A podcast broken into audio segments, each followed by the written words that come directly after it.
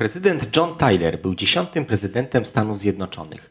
Urodził się w 1790 roku i jest powszechnie uważany za jednego z mniej istotnych prezydentów w historii Ameryki. Jeśli o nim nigdy nie słyszałeś, nie martw się, niewiele brakuje. Ten odcinek jednak nie jest o nim. Chodzi o jego dwóch synów. Jego dwaj wnukowie wciąż żyli w 2020 roku, a jeden żyje do dzisiaj, 233 lata po narodzinach swojego dziadka. Więc staraj się nie dostać krwotoku z nosa, myśląc o tym i słuchając tego odcinka. Wszystko wszędzie. Bądź ciekawy.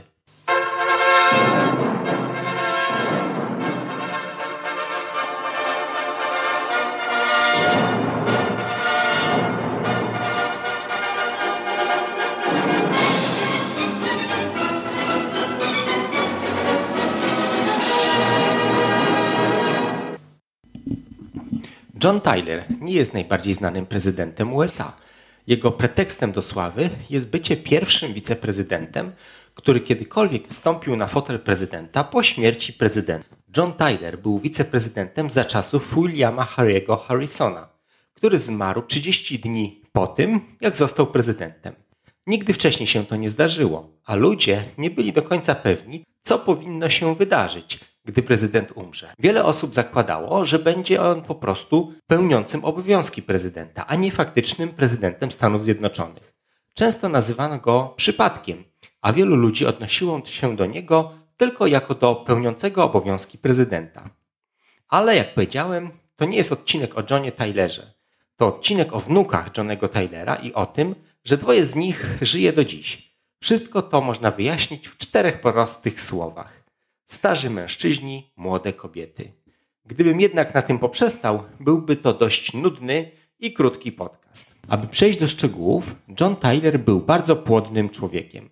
Miał w sumie 15 dzieci, najwięcej ze wszystkich prezydentów USA. Jego pierwszą żoną była Latita Christian, która była w tym samym wieku co Tyler.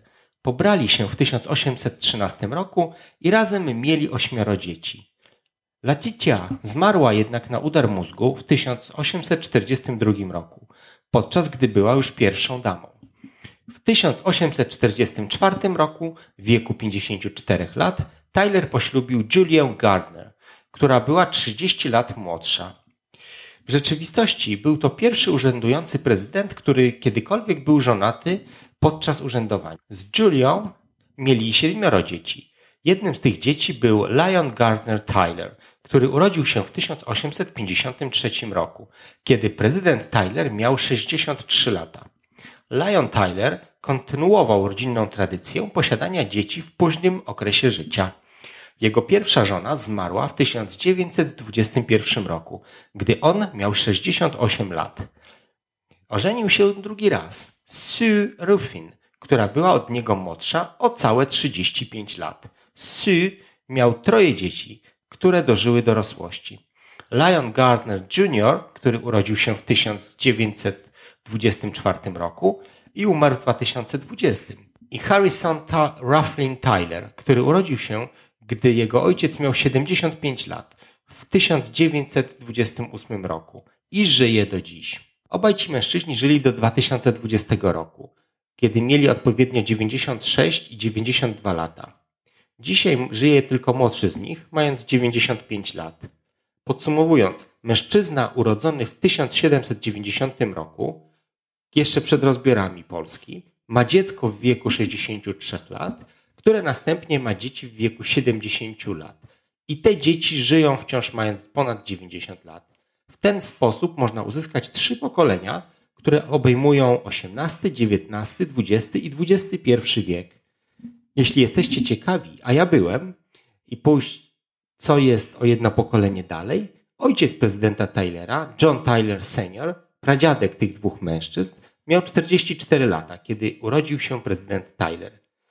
Urodził się on w 1743 roku, 277 lat temu, ponad ćwierć tysiąca lat temu.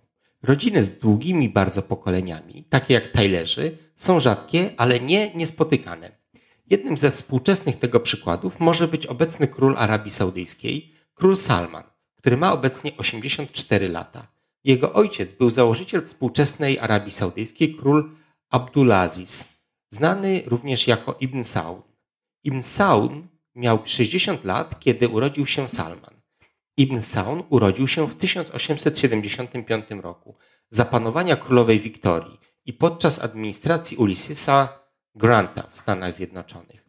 To jeszcze było zanim Thomas Edison złożył patent na żarówkę. Kończąc tę dyskusję o naprawdę starych ojcach, musiałem dowiedzieć się, kto był najstarszym mężczyzną w historii, który kiedykolwiek miał dziecko. To zaszczytne wyróżnienie przypada dla mężczyzny z południowych Indii o nazwisku Ramjit Raghav, który miał syna w 2010 roku w dojrzałym wieku 94 lat. Gratulacje! Dwa lata później urodził mu się kolejny syn, kiedy tata miał 96 lat. Po drugim dziecku pan Rakhaw powiedział, że nie będzie miał już więcej dzieci. Chyba junior zaszedł mu za skórę. A jaki jest najstarszy ojciec w Polsce? Całkiem nieźle pamięta jeszcze czasy II wojny światowej. W 2018 roku w Warszawie przyszedł na świat malutki Piotruś. Niczym nie wyróżniał się od innych dzieci na oddziale szpitala. Oprócz tego, że jego mama Beata miała 36 lat, a tata Andrzej 81. Niemożliwe? A jednak. Pan Andrzej mówi tak. Mój Piotruś jest dowodem, że praktycznie w każdym wieku można zostać ojcem. Mówi Andrzej Słupecki z Pasymia, województwo warmińsko-mazurskie. Media szybko okrzyknęły go najstarszym tatą w Polsce. Zanim chłopiec przyszedł na świat, jego tata przeszedł naprawdę długą drogę. Dzieciństwo pana Andrzeja przypadało na okres II wojny światowej. Przeżył powstanie warszawskie i śmierć ojca w oświęcimskim obozie.